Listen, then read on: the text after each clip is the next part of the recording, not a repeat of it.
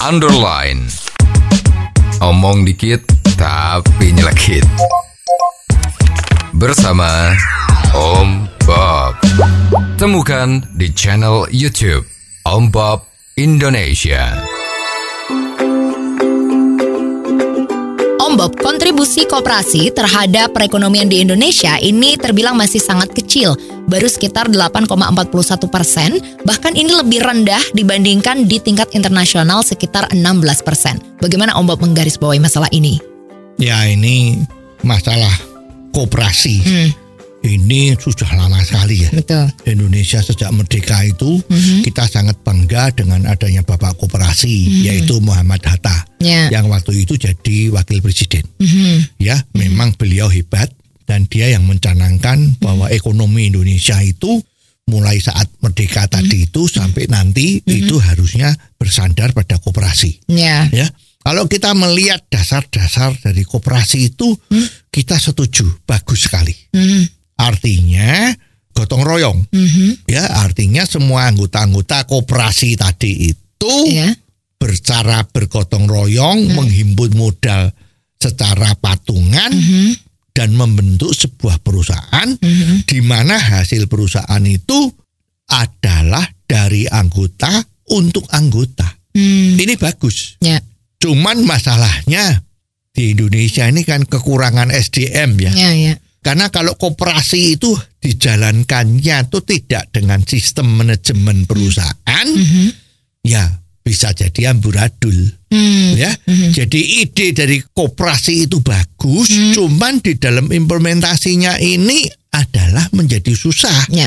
karena tingkat pendidikan masyarakat di Indonesia itu tidak sehebat di luar negeri ya. Ya. Kita harus ngakui lah. Ya. Ya, jangan merasa kalau pendidikan di Indonesia ini sudah nomor wahid di dari dunia ya. Enggak. Ya. Karena you tahu sendiri banyak dari riset-riset itu kan hasil penelitian kan mutu pendidikan di Indonesia itu enggak naik, Betul. malah turun. Hmm. Nah, ini bikin jadi susah. Ya, ya. Jadi kalau sudah badan hukumnya itu berbentuk koperasi, maka namanya koperasi harus dilola seperti perusahaan Hmm. di mana ada satu kewenangan-kewenangan yang harus diberikan kepada pengurusnya. Ya. Kalau di perusahaan namanya direktur, Ya, ya, betul. kalau di koperasi namanya pengurus ya. Bedanya di situ. Ya. Ya. Nah, sekarang malah belakangan ini sepertinya ya Hmm. status koperasi itu malah disalahgunakan dengan orang-orang yang lihat bahwa ini ada peluang, Hmm. peluang untuk mendapatkan uang dengan cara yang tidak betul. Hmm. ya, apa? Koperasi simpan pinjam. Ya. Nah, sekarang lihat nih, sejak 2-3 tahun yang lalu Mhm. ternyata banyak sekali koperasi simpan pinjam ini yang ternyata merugikan anggotanya Ya. atau merugikan masyarakat. Ya. Banyak contoh koperasi simpan pinjam yang waduh Hmm. nggak karuan ya. Kalau nggak salah itu sekarang yang lagi ada masalah itu yang terjadi itu lebih dari 10 ya. Hmm. Salah satunya tuh misalnya yang sudah eh, dibeberkan ya, Hmm. itu namanya koperasi Indosuria Hmm. ya. Ya. Terus juga ada lagi koperasi sejahtera bersama ya. Terus ada lagi ya banyak lah ya. Ya, ya. Banyak lah ya. Itu sehingga merugikan para anggotanya. Betul. Jadi janji-janji bahwa uang anggota yang dipergunakan untuk modal Mhm. koperasi simpan pinjam tadi itu Ya. ternyata cuman janji-janji melulu ya. Oh ya ada juga ini yang sempat sudah lama urusannya itu ya. Itu juga ada yang namanya koperasi inti dana ya. itu sampai hari ini kan masih nggak karuan semua ya. Artinya belum ada kejelasan Betul. ya.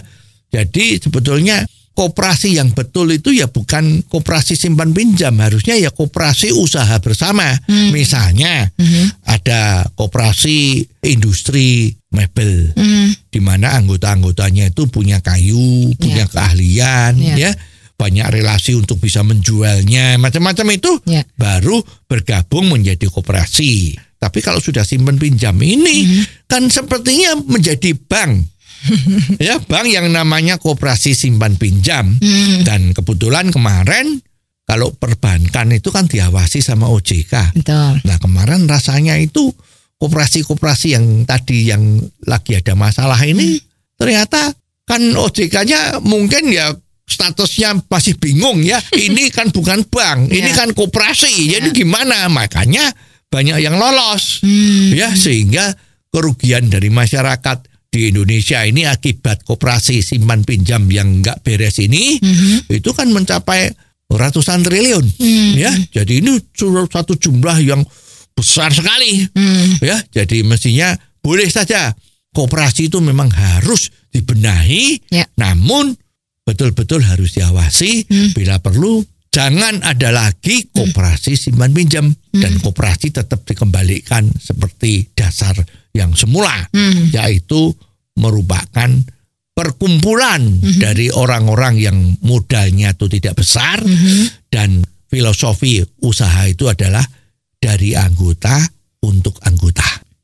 Oh, jadi begitu ya Om Bob. Jelas deh sekarang. Terima kasih Om Bob untuk waktunya. Sampai ketemu lagi di waktu yang akan datang.